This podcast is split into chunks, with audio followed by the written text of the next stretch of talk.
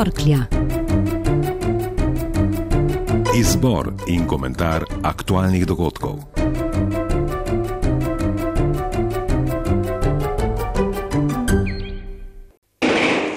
Mi vsi smo šarli. Odmeva te dni po Evropi kot odgovor na brutalen poboj v uredništvu pariškega satiričnega tednika. Časopis se je norčeval iz vseh vrst oblastnikov, bojeval se je za pravice državljana, nasprotoval je posredovanju v Iraku. Včasih je neobzirna satira, včasih je provokativna, ampak ne glede na to, satira je potrebna. Potrebna prav za svobodo, za odprtost družbe. To, kar se je zgodilo, je nepojemljivo. Jaz takih dejanj ne bi niti povezal z vero ali z religioznostjo, bi jih povezal dejansko z sovraštvom. Pravi karikaturist Franko Juri o napadu verskih fanatikov brez dvoma muslimanov, ki so udarili brez milosti. Svet se je z izjemo islamskih skrajnežev poenotil, ljudje so se zbirali na solidarnostnih shodih tudi v Sloveniji. Že svi šarli, mislim, da smo vsi čarli v tem primeru in obsojamo to dejanje. Zame je to začetek Tretje svetovne vojne. Teroristični napad povzroča tudi nevarne odzive, stopnjevanje strahu pred islamom, ki je še posebej izrazit v Nemčiji, a tudi drugod po Evropi nekateri politiki mobilizirajo ljudi okrog tega strahu in ga celo spodbujajo.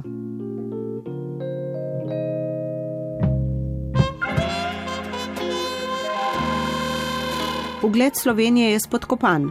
Trdo bomo morali delati, da si ga povrnemo, je našim diplomatom položil na srce premije Miro Cerar. Verodostojni bomo, če bomo sledili nacionalnemu interesu povsod tam, kjer ta dejansko obstaja in ne bomo dopustili koristolovskim posameznikom in omrežjem, da se pod krinko domnevnega nacionalnega interesa okoriščajo na račun naše celotne državljanske skupnosti. Slovenska zunanja politika potrebuje jasno strategijo in dolgoročne cilje. Predsednik Borut Pahor jih pogreša.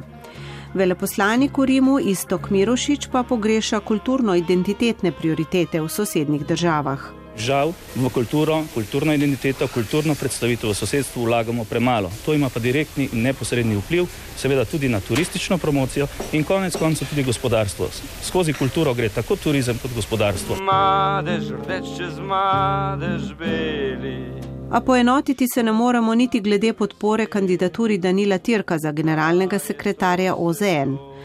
Debate že močno spominjajo na nadaljevanko o kandidaturi Bratuškove za Evropsko komisarko. V Novi Sloveniji mu zagotovo ne bomo dali izredne podpore za to funkcijo, ker nekdo, ki ni bil dober za mojega predsednika, ne morem reči, da je potem kar dober za generalnega sekretarja Organizacije Združenih narodov. Škoda, bil je mlad.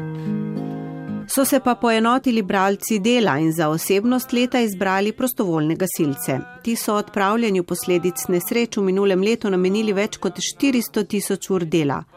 Pri odpravljanju posledic februarskega žleda je sodelovalo okoli 41 tisoč prostovoljnih gasilcev. Vlada je pred zahtevno nalogo, da pripravi nacionalni program za področje varnosti pred naravnimi in drugimi nesrečami. Še prej pa je treba odpraviti nekatere nesmisle interventnega zakona po žledolomu, pravi župan Pivke Robert Smrdelj. Je pa anomalija, da bi še v letih 15 in 16 sredstva, ki so na razpolago in jih občine imajo in jih krvavo potrebujejo, ampak jih morajo vlagati recimo namensko v vzdrževanje gozdnih cest in ne gozdov, ker je vprašanje, če je tu v tem momentu najbolj potrebno. Spravlja nas in rdeči bar ob dober glas. Sežana in občine sta spet povezana z vlakom, kar je tirjalo veliko časa, testiranj in birokracije. Želijo pa si povezavo med Ljubljano in Milanom, ki bo letos gostil Expo. Slovenska železniška infrastruktura močno zaostaja za evropsko. Zdaj lovimo roke, da bi za drugi tir od Kopra do Divače uspeli dobiti nekaj evropskega denarja. V Luki imajo jamranja nad ovirami, ki naj bi preprečevala gradnjo, dovolj. Smo ugotovili, da se stvari prepočasi premikajo oziroma da se ne premikajo in se čas izteka. Zato smo želeli proaktivno pristopiti in predstaviti, da rešitve obstajajo, da denar ni problem, tako kot se je do zdaj govorilo. Je povedal prvi mož Luke Drago Matič ob predstavitvi študije, ki je pokazala, da bi denar lahko zbrali brez dodatnega zadolževanja državnega proračuna.